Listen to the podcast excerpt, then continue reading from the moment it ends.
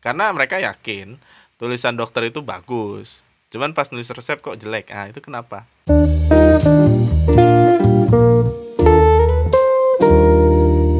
Ya, assalamualaikum warahmatullahi wabarakatuh.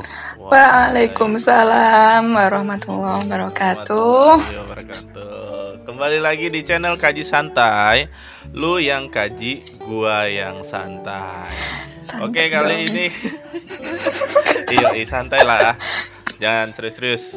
Ini channel yang tidak pernah serius hostnya. Oke. Kali ini gua mau bahas-bahas lagi sama temen gue. Kebetulan nih temen gue jauh. Jadi kita video jauh. eh video by phone. Jadi eh, dari jarak jauh kan physical distancing kan Asik. nggak boleh ketemu Heeh, jadi podcastnya jarak jauh aja cuman eh, obrolannya masih sampai gitu kan Iya. lu tawa-tawa mulu lu Ini pertama tawa, kali ya tawa aja jarak jauh ya? Jarak jauh pertama enggak kali. semua Oh enggak. hampir ha- enggak semuanya itu jarak Iya, jauh makanya. semua jadi eh, buat teman-teman yang kemarin dengar misalnya eh, gua bahas visual art terus theater terus bahas fotografi itu semuanya by phone semua Nah, jadi tapi ada tekniknya lah supaya gimana suaranya agak lebih aman lah gitu maksudnya. Oke. Kali ini gua bersama teman gua dari dari mana sih? Lu? Kampung? Dari Pati. Pati, mana Pati. ya? Oh, bayangin. Pondok cabe sama Pati jauh banget. Ngapain gue nyari narasumber jauh-jauh kan? Yoi, ngeri coy nama sumbernya coy. Berarti narasum berarti narasumbernya ini penting banget emang. Jadi di sini teman gua namanya Zulfa. Nama panjangnya apa Zul? Ismatu Zulfa itu nama Ismatul aslinya, Zulfa. Nama akte. Atau eh, bisa dilihat di Instagramnya @zirnizulfa ya, benar kan? Hmm, bener. Ya benar. Nggak ganti-ganti follow- follow kayaknya. boleh gitu. Gue promosiin kan. sebenarnya gak sebenarnya gak penting banget sih. Iya, nggak kayak penting, buat nggak follow. penting. Heeh, heeh. Kecuali ngasih rezeki sih boleh gitu kan. kalau follow-follow doang kayak lu nggak butuh. gitu. Tapi kalau bisa teman mau nanya-nanya ya boleh. Eh, kebetulan nih eh, si eh, teman gua nih Zulfa dia itu aktif di bidang farmasi ya bisa dibilang farmasi ya? Kebetulan ya. Hmm, baiklah. kebetulan. Kebetulan. Dia sibuk di farmasi. Jadi bisa dibilang nih ahli obat-obatan ya nggak Yoi, jadi coy. Yoi. Jadi ya selama ini dia suka belajar obat-obatan. Bukan berarti dia ngobat ya, dia cuman ngobat sama buat obat beda. Jadi lo dulu apa? Eh, Kuliah. kuliah kan, kuliah farmasi di Hmm. mana? Di Win Di mana kuliah? Win Ciputat. Oh, Inci Putat. Oh, Iya, sama ya. eh. Jadi kita ini kenal karena satu kampus. Eh, waktu itu dia main biola, eh cuman ya Nggak bener. Cuma nggak jelas gitu. Eh, ah, jelas, jelas. Oh, jelas. Karena udah tercapai. Udah tercapai main biola, udah manggung gitu ke mana-mana. Tapi alhamdulillah masih Baiklah. dikit. Alhamdulillah Dikit. masih dikit-dikit. Iya, dikit-dikit. Pegang-pegang gitu lah. Lo sekarang sibuk apa sih? Eh, keseharian sih di apotek pegang apotek satu apotek. Kalau dulu-dulu sebelum corona, dulu-dulu Dulu sering. Kalau dulu-dulu tuh masih sempat ngajar di ini SMK, terus main-main ke apa madrasah aliyah juga yang pondok dulu. Ya, seringnya sih lebih Berarti eh, dominannya di di apotek. Di apotek sekarang. Itu gak kerjanya eh, dari pagi. Apa sebagai apa sih maksudnya dari pagi? Sebagai sampai- apa? Ah, ah, Iya, apotek. sebagai apa? Iya. Apoteker penanggung jawab apotek. Eh salah, apoteker pengelola pengelola apotek. Salah. Oh. Ya kan di Jadi apa? apotek itu biasanya nggak cuman ngurus-ngurus obat doang mungkin ada bagian-bagiannya juga kan misalnya kayak marketingnya atau segala Oh, macam pasti, Ada nggak? pasti, pasti. Heeh. Kalau di di apotek kan apotek heeh, apotek lo ada eh, job desk-nya apa aja karena ini kan eh, ini baru ya, apotek baru. Jadi terus ininya Ah, eh tenaga tenaganya, tenaga di apotek situ tenaga kerja eh, eh, nggak nggak banyak. Jadi saya sementara nih emang cuma aku sama satu temanku doang. Ya agak berat juga. Aku pegangnya ya hampir berat, semua. Ya emang berat. semua. semua hampir Jadi semua masih- bidang ya aku pegang gitu. Apalagi yang eh, itu juga eh, apa ya? tem- karyawanku nggak belum begitu kenal dengan farmasi gitu. Ya dikit-dikit lah. oh Mm-mm. Anak magang atau dia kuliah farmasi juga apa dia Wah, enggak? kalau nah ini kalau di desa-desa Ah. gini, di daerah pedesaan tuh agak susah kalau nyari S1 yang sebagai eh, karyawan. Oh ya agak berat Gitu. ya. Agak berat, Gila iya. Heeh. Karena sudah kuliah itu termasuk eh, hal yang luar biasa kan. Mm, kampung. ya, ya. cuman orang-orang yang beruntung dan orang-orang yang bekerja keras lah. Asik. Atau kalau nggak gitu, beratnya tuh di mungkin di gajinya juga gitu. Oh gitu digaji. Iya. Oh iya iya iya. iya. Apalagi ya ini kalau di- bisa dibilang ap- apotek ya baru mulai kan kata lu. Mm-mm. Hmm. alhamdulillah tuh kalau SMK farmasi udah alhamdulillah. Oh udah. Oh Mm-mm. iya. Kan Jadi- mereka juga lumayan cukup inilah bisa paham. Jadi lu di situ sebagai pembina juga lah bisa bilang ngebina yang Ya, yang baru belajar ini sekalian belajar di apotek gitu kan mengenal Ya. obat-obatan gitu kan. sebenarnya juga kalau mereka pas uh, sekolah kan juga tetap udah ada pelajarannya tentang obat-obatan dan lain-lain yang berhubungan farmasi. Tapi kan kalau prakteknya juga belum. Hmm. Kuliah juga di farmasi juga ya? gitu beda. Beda jauh ya? Ya praktek sama teori aja jauh. jauh banget. Jomplang kayak Eva. Tapi kan kalau ngomong farmasi sebenarnya farmasi itu bukan cuman masalah kerjanya sebagai apoteker doang kan bisa jadi kerjaan yang lain juga kan. Kalau apoteker farmasi itu eh, selain obat ya kalau mungkin kenalnya kan obat ya. Eh, produk produk yang dikenali obat. Oh produk juga. Iya, maksudnya produk yang diken- eh, dipegang farmasi itu obat, yang utama memang obat. Terus Ya, kosmetik, pasti. kosmetik. Oh kosmetik. Nah, eh, terus sebenarnya makanan juga makanan minuman gitu. Bahan-bahan Oh, makanan. rumah tangga. ah, Ya mirip-mirip Oh, sama orang kimia sih sebenarnya. Emang. Oh mirip-mirip sama orang kimia. Heeh. Sebenarnya yang dipelajarin juga zat-zatnya sama gitu. Mm-mm, Apalagi ini iya. zat-zat yang masuk ke dalam tubuh gitu kan. Nah itu kalau eh, secara khususnya kan di situ di obat-obatan yang masuk ke tubuh. Zat-zat yang masuk ke tubuh itu kan obat-obatan itu. Berarti kalau misalkan eh, mungkin ngomongnya bukan obat nih, misalnya buatnya tadi apa kosmetik, Mm-mm, eh, terus apalagi makanan tadi kan, mm-mm. itu lebih ke arah mana mereka eh, anak-anak farmasi ini?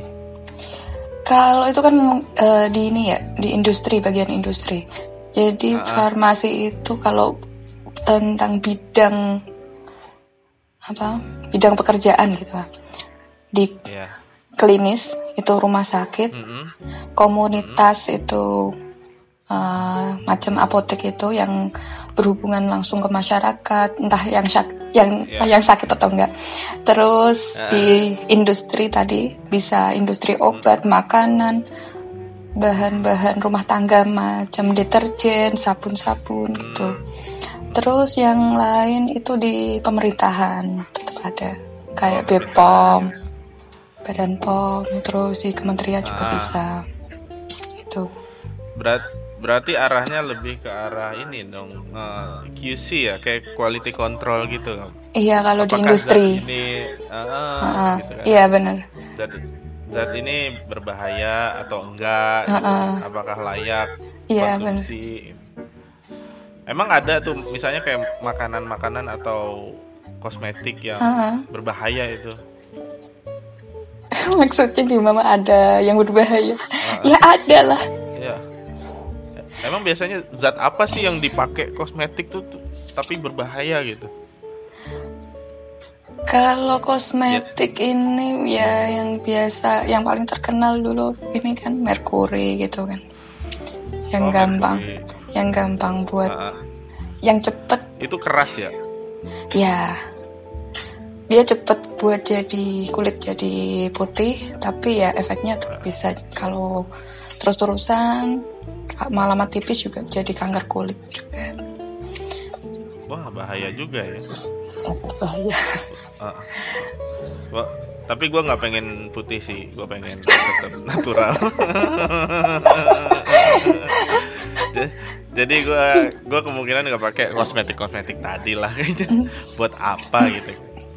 Ya, kayaknya eh, kulit Indonesia itu eksotik lah, udah cukup Iya, lah. ya. iya, iya bener. Ngapain juga ya? Heeh. Kalau putih Ya, mungkin juga kalau kalau kena matahari kan gampang panas malah ya. Heeh. Kalau Sensitif, hitam kan tok heeh, pigmennya aman lah kita. kebal. Kebal. Mau sinar ultraviolet sama supersonik ya sama aja. Supersonic. Kuat-kuat aja. lu ketawa mulu, lu gue tahu lu kenalan ketawa nih. Jadi santai aja nih, santai, santai, santai, santai. ya emang santai. Oke, eh, lu kenapa sih milih farmasi? Aduh, ini bahaya ini pertanyaan. Ah, itu emang yang pengen gua tahu Aduh. dari dulu. Kenapa lu pilih farmasi? Apa ceritanya sih? panjang ini. So, nggak apa-apa emang gue sengaja yang buat panjang. kan biasanya kayak gini ya, kayak misalkan orang mikirnya kenapa nggak sekalian kedokteran gitu. Aduh, ah, ini keren nih, ini jadi Terus- keren taruh. Ah, ah. terus kenapa nggak sekalian kimia gitu kan? Ya dong. Ya, Kenapa nggak sekalian kimia? Kenapa nggak sekalian kedokteran? Kenapa milih farmasi? Apakah lu punya visi misi tersendiri, ataukah karena keadaan, ataukah karena apa gitu? Gue nih kayak interview ini karyawan dah jadinya serius dah. gue baru mikir, gue kayak interview ya. Iya nih jawaban santai aja lah. Lu, lu kenapa sih suka farmasi? Dah situ Kim, simple. Dulu kuliah farmasi tuh nggak sengaja sih sebenarnya. Oh, Nggak sengaja. kan tadi kebetulan katanya kan. iya iya. Berarti lu peng, lu lu sebenarnya nggak pengen pengen banget farmasi, bener? Iya, dulu tuh di daerah sini tuh ya di kecamatan lah. Iya. Apotek itu yang aku kenal cuma ada dua apa berapa gitu ya, lupa. deh. Malah sebenarnya malah sebenarnya aku nggak paham sama farmasi bro. Dari sampai Sama SMA mm, sampai SMA pun aku nggak ngerti yang namanya farmasi atau apoteker istilah-istilah yang berhubungan dengan hal itu tuh nggak paham. Aneh gak sih ya? Ya nggak apa-apa sih. Cuman eh, akhirnya kenapa bisa berlabuh di Ah. farmasi gitu? Itu dulu gara-garanya gara-gara ya Allah. Gara-garanya itu daftar di jadi ada program yang dari aduh promosi lagi nih aku malah jadinya Ya nggak apa-apa, ya nggak apa-apa.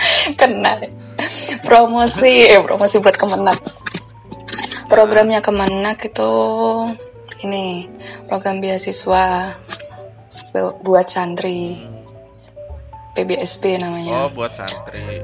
Iya, Ya. program beasiswa santri beruntung Oh, gitu. Jadi ada beberapa, cuma ada beberapa universitas yang dikerja sama sama Kemenak itu. Nah, sebenarnya aku mau milih di UPI karena dulu pikirnya tuh karena mungkin bapak sama ibu itu lebih fok, eh, bidangnya ke pendidikan, ya ke bawah juga sama Oh, iya. aku gitu, bahwa ke pendidikan Guru- pengen guru ya? Mm-mm. pengennya mau ke pendidikan gitu mau ke UP eh ternyata teman-teman jadi ke, sepondok itu cuma diambil 10 kalau dulu Tapi kalau sekarang bisa daftar semua. Hmm, Beda beda sistem, udah beda sistem. Nah, 10 termasuk aku, ada beberapa temanku yang milih UP. Nah, Ya. takutnya guruku kok milih saling saingan gitu. Kamu pindahlah, pindah yang lain gitu. ya udah. Banyak saingan. Daripada saingan sama teman sendiri, mending pindah pindah jurusan, pindah ke univ yang lain. Ya udah, aku pindah ke UIN.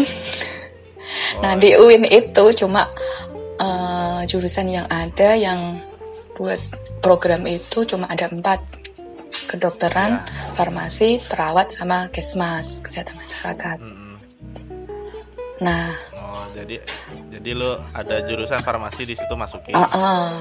karena aku nggak suka sama eh, nggak tahu mungkin bukan nggak suka ya. Keperawatan kurang kurang greget sama aku. Kayak bukan orang-orang yang Iya. temen bukan orang-orang yang Ya. suka merawat Nggak rawat cocok lah gitu ya. nggak cocok. Ya udah kayak aku cocok farmasi deh. Apa sih ini farmasi belum paham sebenarnya. Nggak paham juga. Ya udah cari-cari itu. Baru cari-cari dari situ. Oke farmasi ngambil. Jadi cuma dua jurusan doang yang bisa diambil tapi satu univ yang jurusan kedua aku pilih apa coba kedokteran Ah, dokteran. kedokteran di pilihan kedua, farmasinya yang pertama. Jadi saya aku menomor dua kan kedokteran maaf ya. Oh, nggak apa-apa. Itu kenapa lu lu kedokteran malah nomor dua? Nggak tahu, nggak suka aja sama kedokteran. Oh iya, berarti panggilan hidup lu bener-bener farmasi ya? Enggak juga, nggak tahu soalnya. Oh enggak mungkin- juga. Karena nggak tahu, nggak tahu, nggak tahu farmasi, Oh. nggak tahu kesmas, belum, maksudnya belum paham bener dengan jurusan-jurusan itu. Kayaknya yang cocok farmasi deh yang ada hubungannya sama biologi sama kimia. Mikirnya itu doang. Tapi nggak tahu. Eh ternyata sama aja. Ya udah. Iya, hampir, hampir sama. Ah, ya udah Sebenarnya mungkin- aja gitu ya. mungkin cocoknya aku dulu kalau paham kesmas sebenarnya lebih Oh, doyan kesehatan sama masyarakat. Mm-mm. Nah, tapi ya ya udah karena udah terlanjur ke situ ya udah eh ternyata malah keterima kebetulan kan Iya iya iya iya. Tapi eh, kuliahnya hampir sama kan sebenarnya antara farmasi sama kesehatan. Atau Beda. kedokteran. Oh beda. Beda. Jauh banget. nggak jauh-jauh juga sih kalau kedokteran tuh dia lebih fokusnya ke tubuh ke biologinya. Tubuh manusia ini Oh, ketika Ya. kena kena entah itu obat entah kena penyakit gitu. Jadi dia fokusnya ke tubuh dengan eh, ada ancaman apa pun gitu. Tapi kalau farmasi dia mempelajari yang mau masuk ke tubuh itu. Obat-obatan makanan oh, dan lain-lain. Iya, iya. jadi kebalikan Oh, gitulah. iya. Saling melengkapi seharusnya Ah, sa- harusnya saling melengka- melengkapi. Iya, iya. Iya. Jadi yang masuk lu ngurusin yang pengen masuk ke tubuh. Mm-mm. Sedangkan kedokteran yang udah masuk di tubuh gitu kan. Itu yang ya diteliti. tubuhnya mm-mm.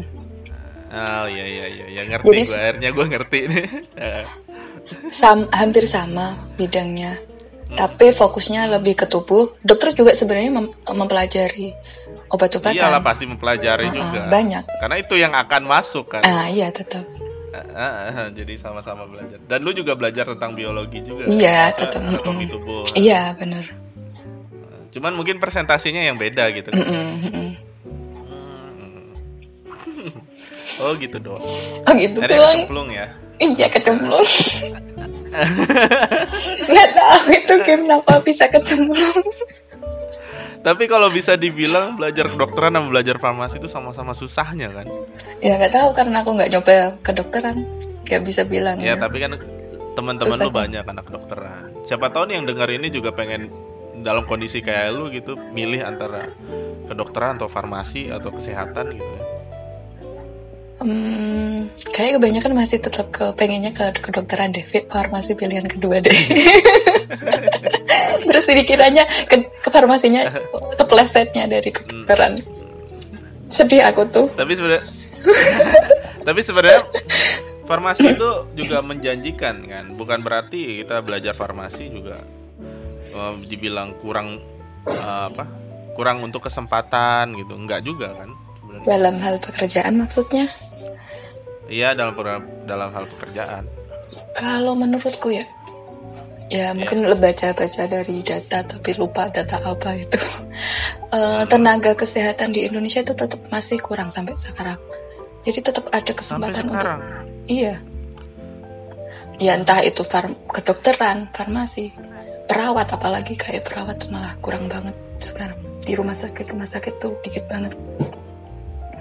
itu masalahnya apa apakah eh, ya emang kalau untuk kuliah kesehatan itu fakultas kesehatan emang bayangannya udah belajarnya susah. Terus biayanya mahal. Apakah kayak gitu? Atau eh, ada faktor-faktor lain apa dalam eh, hal minat atau kesukaan gitu? Kalau biayanya sih wajar aja sih aku nggak biaya banyak-banyak no. Ya lu kan beasiswa. Ya makanya itu. beasiswa. cari beasiswa lah. Oh iya. Gitu. Carinya cari beasiswa. ya kan beasiswa dikit. Ini ngomongnya yang masuk ini aja lah pengen masuk jalur standar gitu tanpa jalur khusus.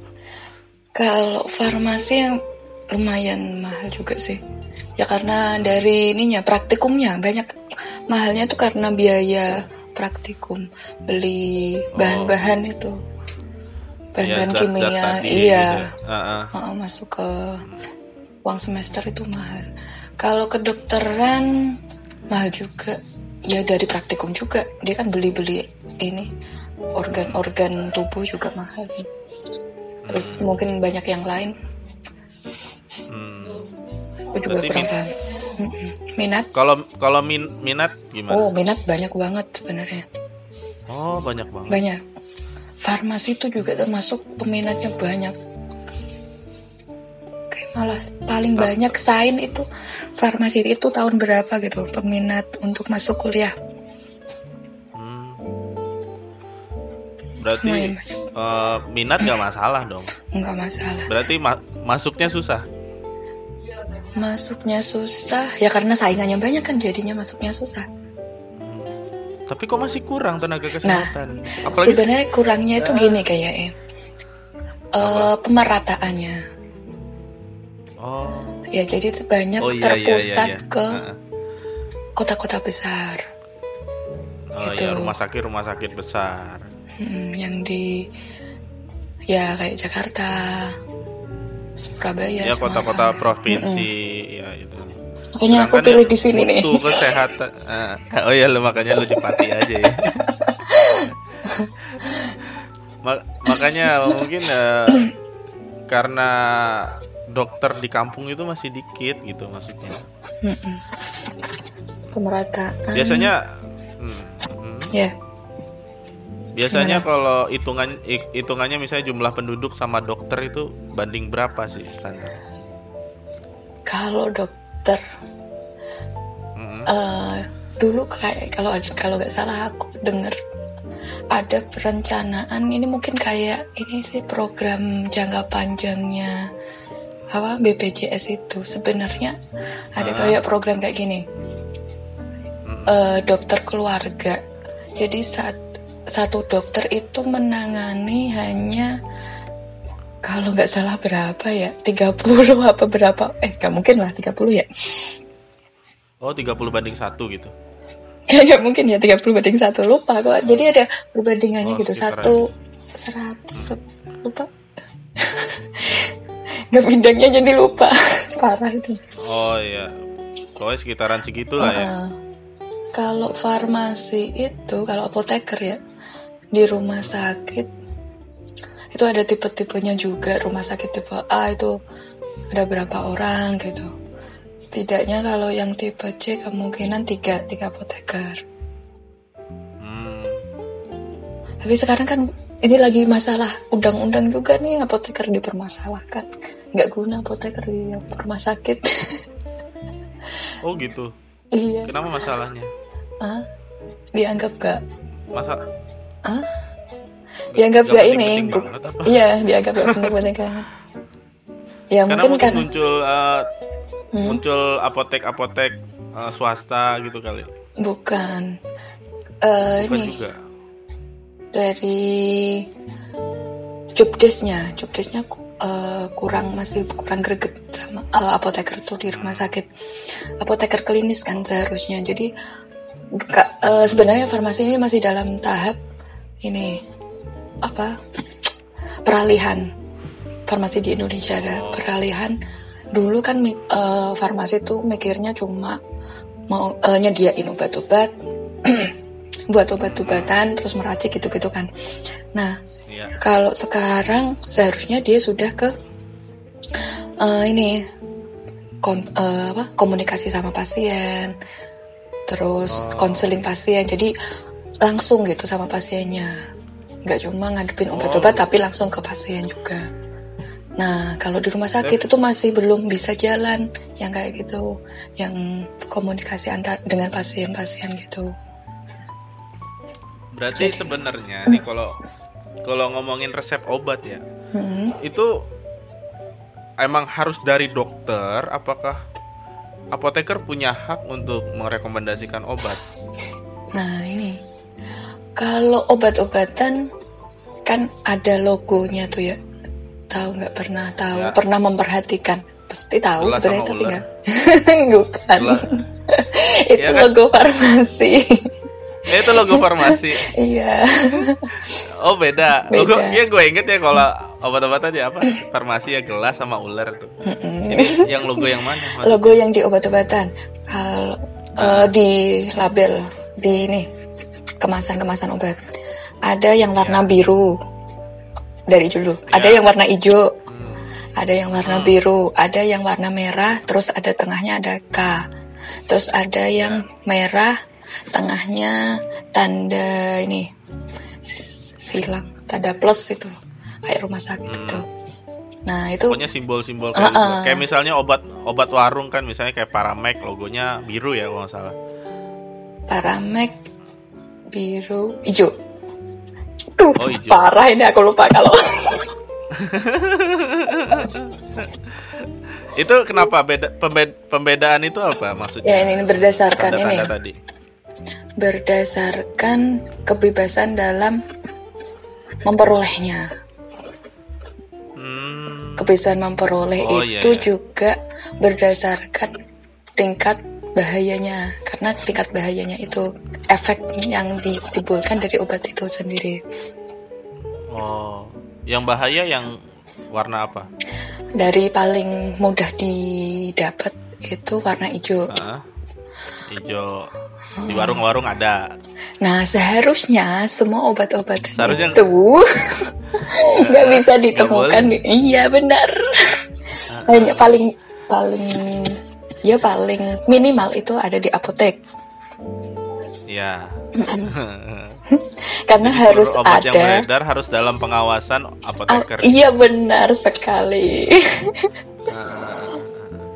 Tadi nih, Tapi ada di warung. Eh, ya seharusnya nggak bisa. Ya begitulah kenyataannya di lapangan. Oh, gitu. gitu. klarifikasi nih klarifikasi tadi paracetamol, paramek ya tadi nyebut nama Ah, Max. paramek itu hijau. Jadi dia bebas. Oh, iya benar tadi jawab hijau. Iya. Nah. Hmm. Berarti eh, yang hijau aman tuh. Keaman, ya aman jika digunakan Ah, Eh gimana gini ya, semua obat sebenarnya kalau berlebihan tetap nggak aman sih kan, nggak sesuai dosis gitu. iya, karena dosis. kita nyebutnya overdosis kan. OD. Nah ya itu ada ininya, ting eh, rentangnya gitu. Nah itu tadi yang dimaksud perbedaan logo itu dari rentang keamanannya itu beda-beda. Kalau yang hijau itu rentang keamanannya cukup luas. Jadi kalau misalnya eh, overdosisnya itu sangat jauh gitu loh. Eh, kemungkinannya di- dikit lah. Kemungkinan mm-mm, untuk terjadi overdosis itu kecil. Nah, kalau Terus? biru agak ada tingkat keberbahayaannya. Misalnya kayak obat-obat batuk. Rata-rata obat batuk itu biru. Karena Efek samping ada efek sampingnya ya. mm-mm, dan bisa yang obat-obat batuk nih rata-rata kan ada prekursor. Nah, mungkin tahu ada merek apa yang mengandung dextromethorphan itu juga bisa disalahgunakan gitu kan. Nah, itu warnanya biru. Karena eh, diawasi, ada pengawasan juga. Terus? Kalau yang merah ada huruf K itu Ah. yang keras, obat keras. Oh ya tadi Oh, namanya belum keras. jelasin ya. Yang hijau tadi be- obat bebas. Kalau yang biru bebas terbatas. Terus kalau yang K tadi obat keras. Nah obat keras inilah yang lebih berbahaya ya. Mm-mm. obat keras ini yang seharusnya menggunakan resep dokter. Gitu. Oh. Kalau kalau mau beli. Dan Tapi apo- apoteker juga nggak punya wewenang kan? ada ada beberapa obat Oh, ada. keras yang bisa dikasih apoteker tanpa menggunakan resep dokter. Itu ada eh, Berapa? mm-mm, nggak banyak Nggak juga, banyak, paling perbandingannya juga berapa sih? Obat-obat rata-rata obat ini anti nyeri. Oh iya, Mm-mm. yang kayak masih ringan cuman masuk kualifikasinya ke obat yang logo merah tadi. ya. Mm-mm, asamefenamat gitu-gitu. Terus Itu. ada lagi nggak? Oh iya tadi yang terakhir yang narkotik yang merah tanda plus itu. Oh, itu merah narkotika. tanda plus Mm-mm, narkotika. Itu paling ya. Oh narkotika. itu paling eh, apa? Tingkat keamanannya untuk penyimpanannya paling wow. Ke- eh, dari penyim- Oh. bukan dari penyimpanan sih. Dari awal dari mau apa? pengadaan terus penyimpanan eh pendistribusiannya juga laporannya tuh banyak banget. Oh, Harus agak ketat lah Nah, ya bisa iya. Ya memang ketat. Karena eh, kadang narkotika kan bisa dipakai untuk yang obat-obatan terlarang kan gitu kan orang nyebutnya. Mm-mm. Narkoba dan narko- narkotika kan gitu. Iya benar. Tapi ternyata nyatanya Tanpa tanpa lewat apotek kan juga banyak ya. Iya, mungkin udah urusan orang lah mungkin. Iya. Ya, makanya kalau untuk eh, misalnya orang orang biasa atau bukan apoteker atau bukan orang kesehatan dia punya narkotika Mm-mm. itu berarti udah melanggar aturan kan. Iya tetap. Bahkan kalau kan ya misalnya gini ya di apotek eh, dia beli se satu box misalnya morfin, Nah, terus oh morfin. eh, eh, laporannya kan udah kecatat sama distributornya kan apotek ini beli segini.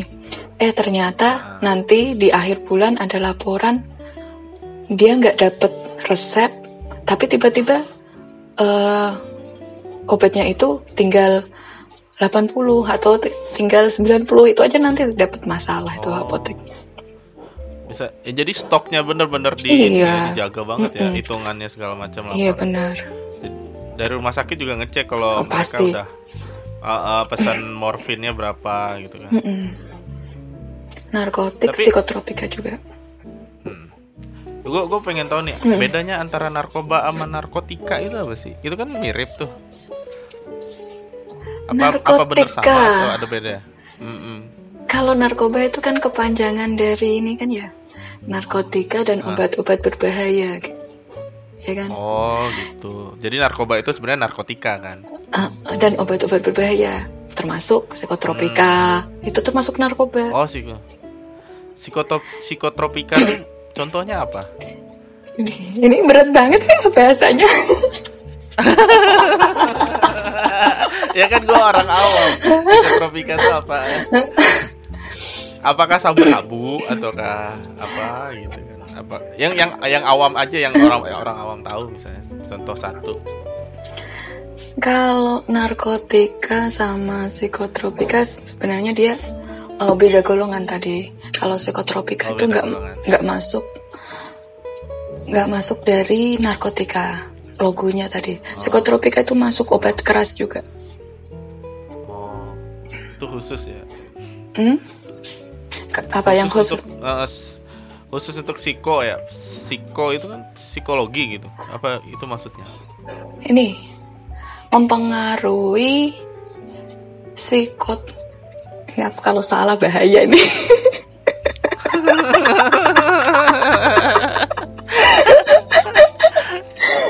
Ayo lah. Harus hafal di luar Ya kan? Kepala. Mempengaruhi ini kan, sel, mempengaruhi saraf, Oh iya. semuanya mempengaruhi saraf.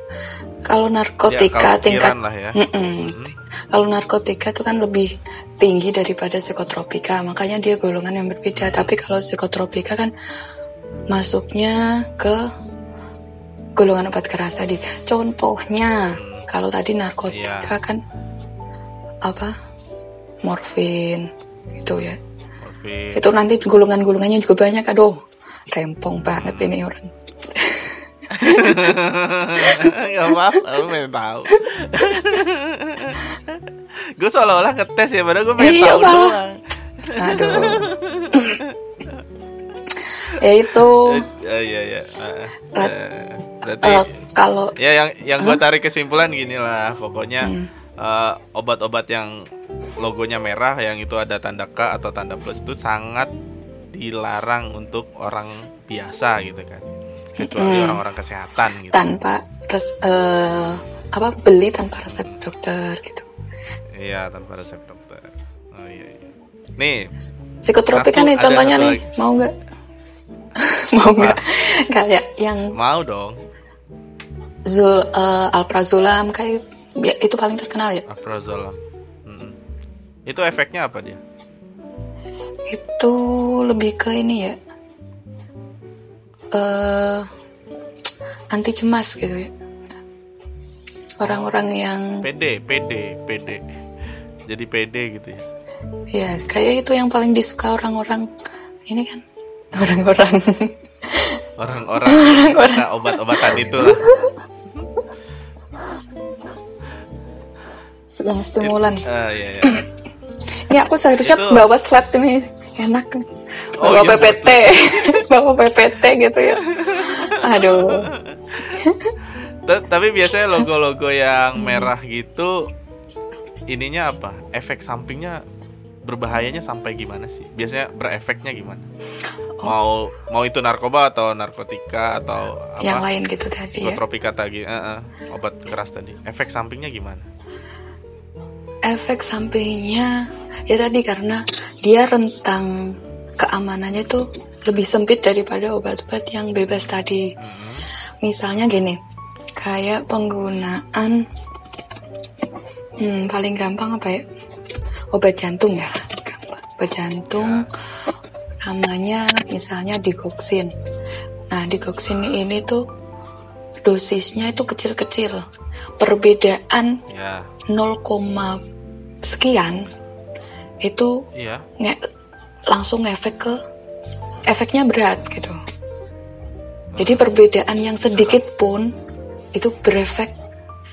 Misalnya jantungnya tambah kencang atau malah semakin Oh. turun, nggak apa, detak jantungnya turun gitu. Jadi rentang Hmm. keamanannya? Loh, bisa kan obat jantung? Oh iya, lemah jantung ya langsung ya. Makanya banyak orang-orang yang terkena narkoba tuh meninggal atau orang nyebutnya OD overdosis gitu. Ya karena udah pengen sebenarnya eh, tubuhnya pengen terus, Mm-mm. tapi eh, ini kan ya apa sih sarafnya tuh pengen apa ya namanya? Hmm, kenapa sih bahasanya berat-berat begini lah? yang cerita-cerita aja gitu ya gak apa-apa, gue pengen nanya-nanya doang. atau aku yang mengalirkan ke ke bahasan yang berat ya biar gampang dicerna gitu yang yang santai-santai Eh, iya. gitu ya Nggak maksudnya bis- bisa bikin mati nggak? Iya gitu. Iya. Semua obat kalau overdosis juga bisa bikin mati. Paracetamol pun kalau kebanyakan juga bisa bikin mati nih. Cuma dosisnya kan banyak gitu ya. Paracetamol mau minum berapa? Mau minum satu? Mau Eh, minum 500 kali berapa ya? 8000, 8000 miligram. 40 tablet. Nah, 40 tablet baru overdosis karena paracetamol. oh Sekali minum. iyalah ngapain minum paracetamol sebanyak itu Oke, ini kita alih deh, biar lo agak santai nih. Oke. tapi tapi Emang keterima nggak sih? Pengen, pengen tahu banget sebenarnya. Maksudnya ketangkep gak sih ke Keterima, nangkep? keterima sih coba. Iya udah kalau malah bagus lah kalau nggak gue nangkep. paham maksudnya paham. Heeh. Nggak sia-sia Jadi, kalau eh, nggak nangkep ntar. golongan-golongan yang yang boleh. Oke, sekarang ini ada ada pertanyaan lagi. Gimana sih? ngeri. Eh, enggak ngeri, enggak ngeri ya Allah gue kayak dites ya. Oh, ini ngobrol doang. Ada pertanyaan. Tapi santai, tapi santai, tapi santai. Iya. Tapi santai. Sok sok sok. Ini berurusan dengan eh, apoteker lah menurut gue. Sangat berurusan sama apoteker. Eh, kenapa tulisan dokter kayak gitu? Harusnya. Pasti lo sering ketemu orang-orang yang nanya, kenapa sih tulisan dokter itu jelek dan nggak bisa kebaca? Karena mereka yakin tulisan dokter itu bagus. Cuman pas nulis resep kok jelek. Nah, itu kenapa? Seharusnya pertanyaan ini bukan di, ditujukan ke apoteker dong. Kan yang nulis dokter. Kenapa dia nulisnya Iya, seperti tapi- itu? Tapi kan tahu, gue belum punya temen dokter nih. Ada sih, cuman belum belum belum sempat ngobrol. Itu kenapa Zul? dokter kenapa nulisnya jelek sih di resep? Gak tahu.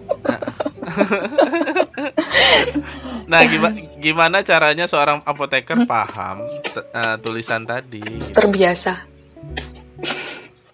Terbiasa Karena beneran. terbiasa. Mm-mm. Kalau dia sudah terbiasa Apakah, dengan apakah tulisan tiap dokter beda? beda. Apa emang oh beda ya? Iya. Nah sebenarnya ini juga masalah juga. Jadi masalah entah itu apoteker, ya buat masalah pasien juga. Karena eh, banyak terjadi kesalahan obat gara-gara dari tulisan yang nggak jelas. Terus Oh ternyata itu jadi masalah juga. eh masalah kalau nggak kebaca terus kita, yang apoteker cuma menerka-nerka ini sepertinya ini deh sepertinya ini deh gitu-gitu. Kalau masalah kan kalau nggak cocok Kan kan bahaya ya? ya bahaya. Salah ngasih obat. Ah, bahaya. salah ngasih obat gara-gara tulisan nggak jelas terus apotekernya males nanya ke dokternya. Ya jadi salah kan obatnya. Terus kalau salah kalau misal itu obat yang kayak tadi misal obat keras yang rentang keamanannya sempit ya masalah juga. Dosisnya kak. Ka- ah, ah. Emang kasusnya ada, misalnya orang eh, Hmm. Banyak. apoteker salah baca. banyak Banyak. banyak Wow. nggak cuma di Indonesia di luar negeri pun Oh juga di luar negeri juga. Iya, jadi itu memang masalah eh, dari dunia kesehatan itu. Nah, makanya sekarang ini juga mulai digal- digalakkan eh, dokter-dokter yang rata-rata dokter-dokter muda itu jarang, udah jarang nulis yang Oh. kurang bisa terbaca. Iya. Memang dokter-dokter senior yang masih itu tulisannya Oh, masih. begitu. Tapi juga Emang kalau feeling feeling gue sih kayaknya emang tulisan zaman dulu emang kayak gitu. Karena gue merhatikan sendiri tulisan orang tua gue kan. Misalnya kayak bokap gue dia nulis uh, sesuatu emang bersambung begitu. Emang biar cepet aja Iya, itu juga salah satu mungkin. Biar cepat karena mungkin pasiennya banyak, iya. Malah apa? Hmm. Banyak yang nungguin waktunya sempit ya udah set set set set selesai. Tapi kan di sini Eh, lu solus- udah kenal uh, maksudnya kenal dokter-dokternya yang nulis gitu jadi lu paham lah gitu kan? Di ya apotek lu. Kalau kalau memang udah kenal dokternya maksudnya kemungkinan dokter ini memang sering nulis ini sering nulis obat ini dengan cara seperti ini dengan bentuk yang seperti ini Itu udah kalau emang kenal udah Udah biasa. paham. Gitu. udah paham.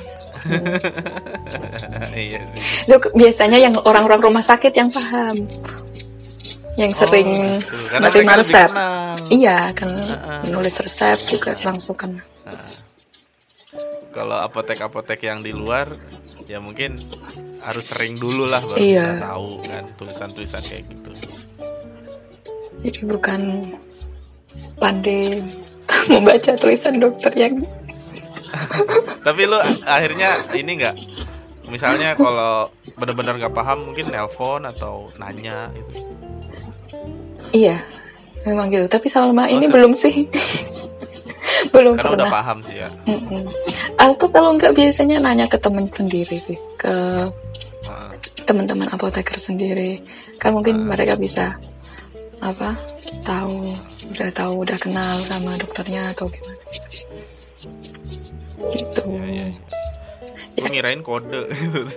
Bukan. Tulisan ya. iya tulisan oh gini biasanya memang ada yang eh, resep dokter karena dia sudah punya apotek sendiri itu pakai kode Oh. jadi langsung paham yang apotekernya yang di apotek itu Heeh. tapi kalau Oh, nama eh, dia nggak kerja sama ya pakai nama obat pakai nama obat Oh, nama itu obat. Mm-mm. yang kodenya itu kan yang ini cara minum terus apa berapa kali frekuensinya itu oh iya. itu yang kode biasanya gitu Akhirnya jawabannya terjawab. selama bisa tidur ya bertanya-tanya, ah nggak bisa tidur kenapa? Gua langsung langsung kebayangnya itu nih kalau masalah kesehatan itu paling unik.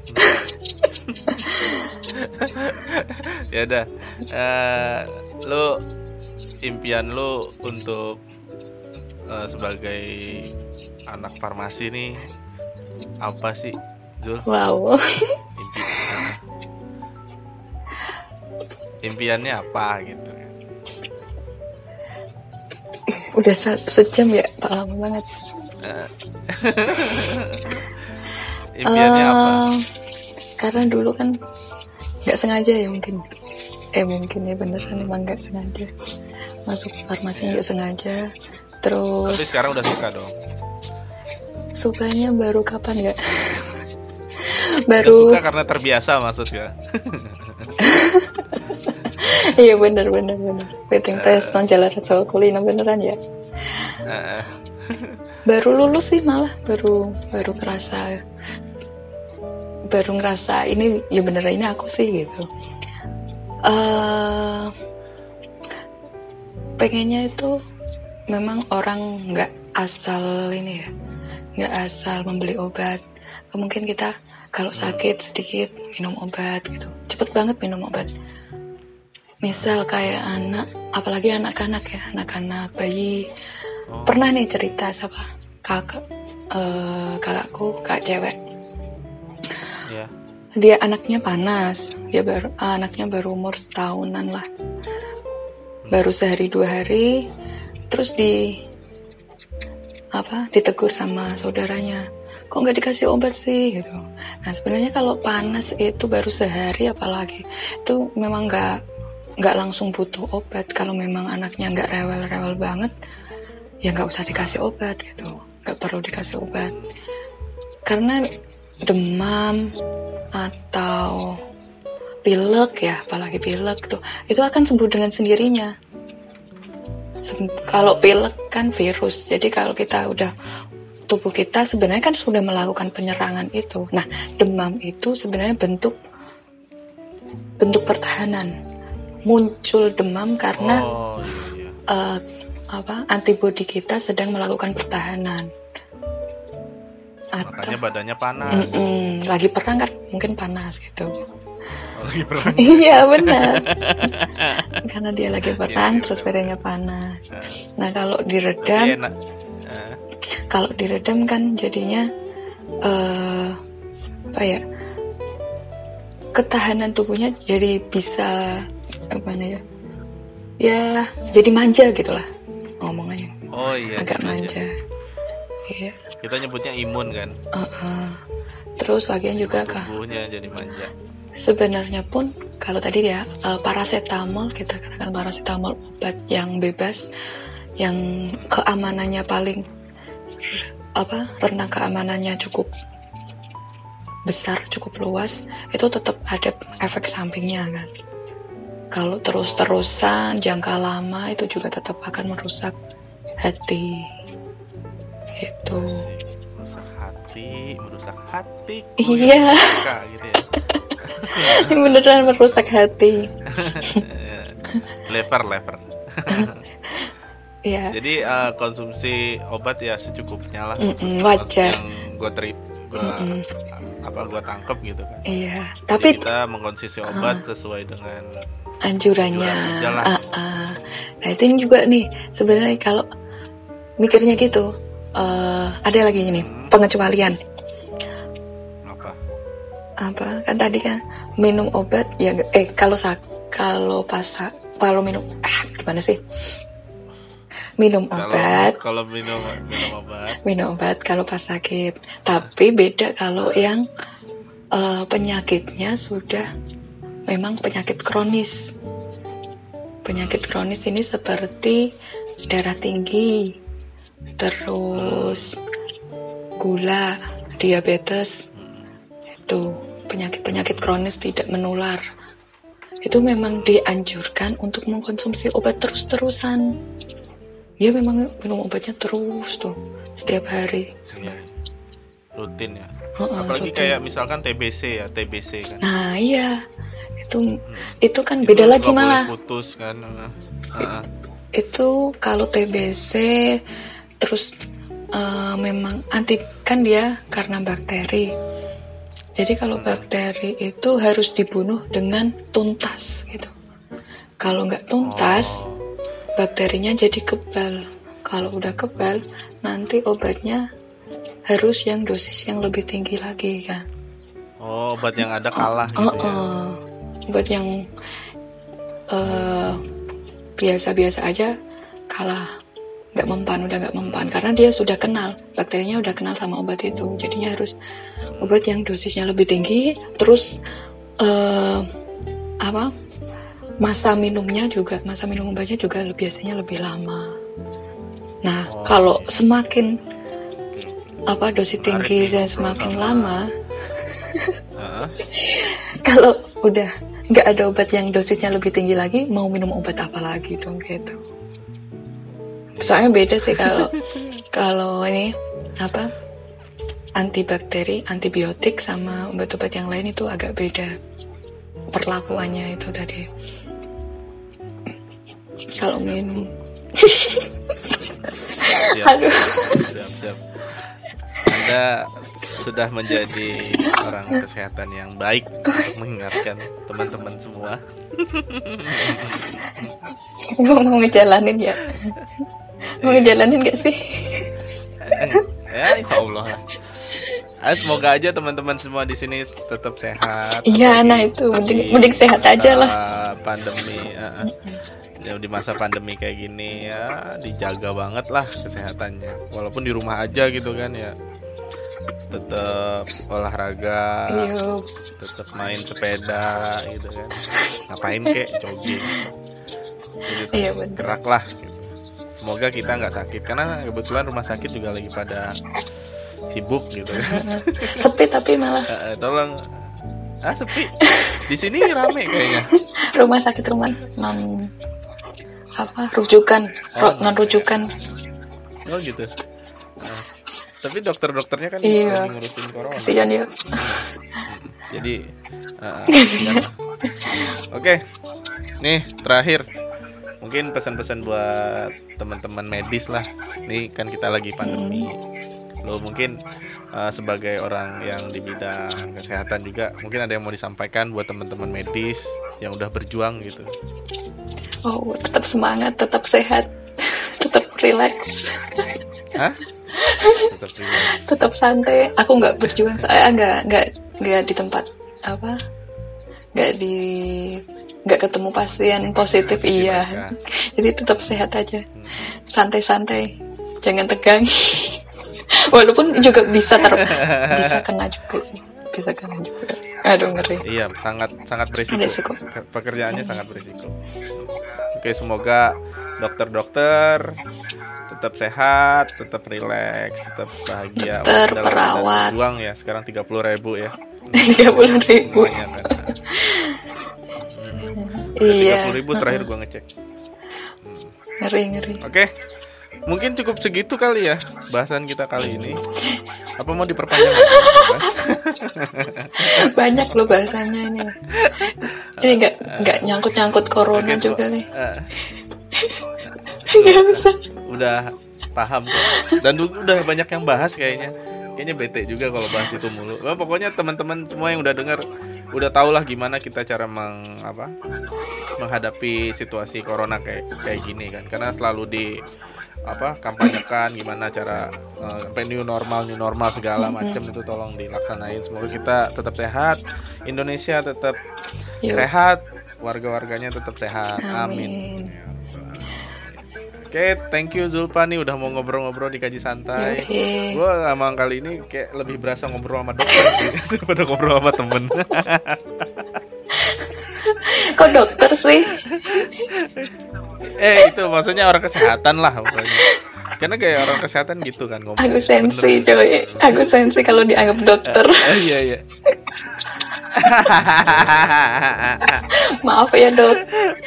Oke. Oke cukup sekian untuk podcast kali ini semoga teman-teman dapat hikmahnya. Tolong teman-teman dikaji karena kita di sini ngobrol cuma Iya, santai, iya. memang nggak serius-serius. Nah, makanya namanya kaji santai. Oke, gue terima kasih untuk Zulfa. Gue tutup dengan wassalamualaikum warahmatullahi wabarakatuh. Waalaikumsalam warahmatullahi.